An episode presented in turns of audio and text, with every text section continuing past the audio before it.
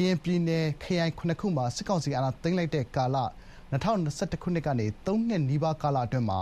ပဋိပက္ခတွေကြောင့် နေရပ်စွန့်ခွာ ရှောင်တိမ်းရတဲ့ စစ်ဘေးရှောင် ၇ သိန်းကျော် ရှိလာပြီဖြစ်တယ်လို့ ကရင်အမျိုးသားအစည်းအရုံးက ထုတ်ပြန်ခဲ့ပါတယ်။ဒီသတင်းကို ဗွီအိုအေသတင်းထောက် မအေးအေးမာက သတင်းပေးပို့ထားပါတယ်။ကရင်အမျိုးသားအစည်းအရုံး KNU ထိန်းချုပ်တဲ့ ခရိုင် ၇ ခုမှာ စစ်ကောင်စီအာဏာသိမ်းလိုက်တဲ့ ၃ နှစ်တာကာလအတွင်းမှာ စစ်ဘေးရှောင်ပြည်သူ ၇ သိန်းကျော်သွားပြီလို့ KNU က သတင်းထုတ်ပြန်ခဲ့တာပါ။ဒါဟာနှစ်ဖက်တိုက်ပွဲတွေလက်နက်ကြီးတွေနဲ့ပစ်ခတ်မှုတွေလေကြောင်းတိုက်ခိုက်မှုတွေကြောင့်ဒေသခံတွေဟာ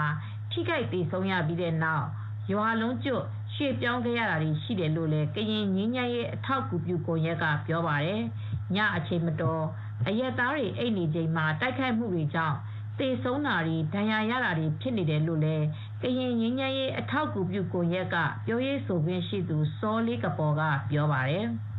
နှစ်ဖက်တိုက်ပွဲတော့ပုံမှန်ထိတိုက်ပွဲတော့နေ့စဉ်နေ့တိုင်းဖြစ်ဖြစ်တယ်အနေအထားမျိုးရှိတယ်လေနောက်တစ်ခုကတော့အဲ့ဒီဆက်ဆက်ပြီးတော့မှအဲ့ဒီလက်လက်ကြီးတို့ဒီဟိုကပါလာတာအဲ့လိုဆိုလို့လည်းအရက်သားတွေကကိုထိခိုက်ပြီးဆောင်းတာပေါ့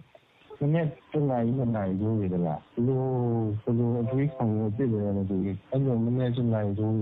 နေ့ဆောဆောဒီအဲ့လိုမျိုး လာပြည့်တဲ့ဟာမျိုးဆိုတော့ပြန်လာပြီးအချင်းချင်းအဲ့ရအဲ့ဟိုအဲ့ရအဲ့လေအချိန်ကိုတရားလုံးအချိန် အဲ့လိုမျိုးဟာကဟိုအန်ဒီရမ်းများတယ်ဒီလိုဆောင်ပေါ်လို့ခက်တာမျိုးတွေ တွေ့ရတယ်ပေါ့နော် အရက်သားတွေဟာစိုးရိမ်ထိတ်လန့်ပြီးဘုံကြီးကျောင်းတွေဖျားရှိခိုးကျောင်းတွေဘက်ကိုခိုလုံတဲ့အခါမှာလည်းအဲ့ဒီနေရာတွေဘက်ကိုစစ်ကောင်စီဘက်ကလက်နက်ကြီးတွေနဲ့ပစ်ခတ်တာတွေလုပ်တဲ့အတွက်အရက်သားတွေကိုလည်းပြစ်မှတ်ထားတာတွေ့ရတယ်လို့လည်းပြောပါတယ်။ဘုံကြီးကျောင်းတွေလည်းပြစ်မှတ်ထားပြီးတွေ့ရတယ်လေဆရာအဲ့လိုမျိုးဟာဘုံကျောင်းမကြီးကျောင်းရောက်တဲ့ကျောင်းပါဆိုရင်အဲ့လိုဘုံဘုံကျောင်းတော့လက်နက်ကြီးကျောင်းတော့ဘုံတော်ဂျပန်ပြန်လာတယ်တန်လာတော့ပေါ့ အခုလိုမျိုးအခြေအနေတွေကြောင့်စစ်ဘေးရှောင်တွေဟာခရိုင်တိုင်းမှာများပြားလာပြီး KNU တပ်မ3ထိန်းချုပ်နယ်မြေညောင်လေးပင်ခရိုင်ထဲမှာတော့စစ်ဘေးရှောင်ပြည်သူ2,48,000ကျော်ရှိပြီး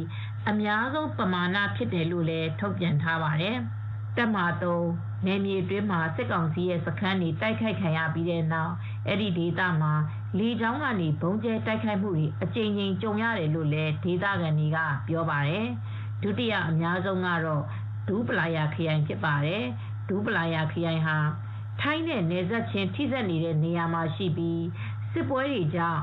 စစ်ဘေးရှောင်တွေထိုင်းဘက်ကိုထွက်ပြေးလာရတဲ့အထိလည်းရှိပါတယ်။အဲ့ဒီခရိုင်ထဲမှာတော့စစ်ဘေးရှောင်ဦးရေ3,490,000ကျော်ရှိနေတာပါ။အခုချိန်ထိတောင်ရင်းမြစ်ဘေးမှာနေရမပြန်နိုင်တဲ့စစ်ဘေးရှောင်တွေရှိနေသေးဖြစ်ပြီးနှစ်နှစ်ကျော်ကြာကြာလာတဲ့အထိနေရပြန်မရသေးဘူးလို့လည်း စစ်ဘေးရှောင်တွေကဆိုပါတယ်စစ်ဘေးရှောင်9သိန်းကျော်ဟာစားတောက်ရေးနေထိုင်ရေးဒုက္ခတွေသာမကကလေးငယ်တွေရဲ့ပညာရေးပြဿနာတွေအသက်ကြီးသူတွေရဲ့ကျန်းမာရေးဆိုင်ရာပြဿနာတွေကိုပါရင်ဆိုင်နေရပါတယ်။ KNU ထိန်းချုပ်နယ်မြေ9ခုထဲမှာအခုလိုမျိုးစစ်ဘေးကြောင့်စားနပ်ရိက္ခာလိုအပ်နေတဲ့အပြင်တိုက်ပွဲတွေဖြစ်ပြီးတိုင်းမှာအိမ်တွေမီးရှို့ခံရတာလူတွေညှဉ်းပန်းနှိပ်စက်ခံရတာတွေကိုပါစစ်ဘေးရှောင်တွေက